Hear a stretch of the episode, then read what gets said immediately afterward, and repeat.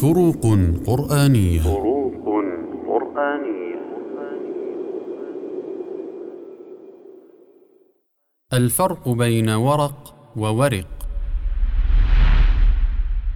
الورق بفتح الراء هو ورق الشجر المعروف. كما في قوله تعالى حكاية عن آدم وحواء فأكلا منها فبدت لهما سوآتهما وطفقا يخصفان عليهما من ورق الجنة.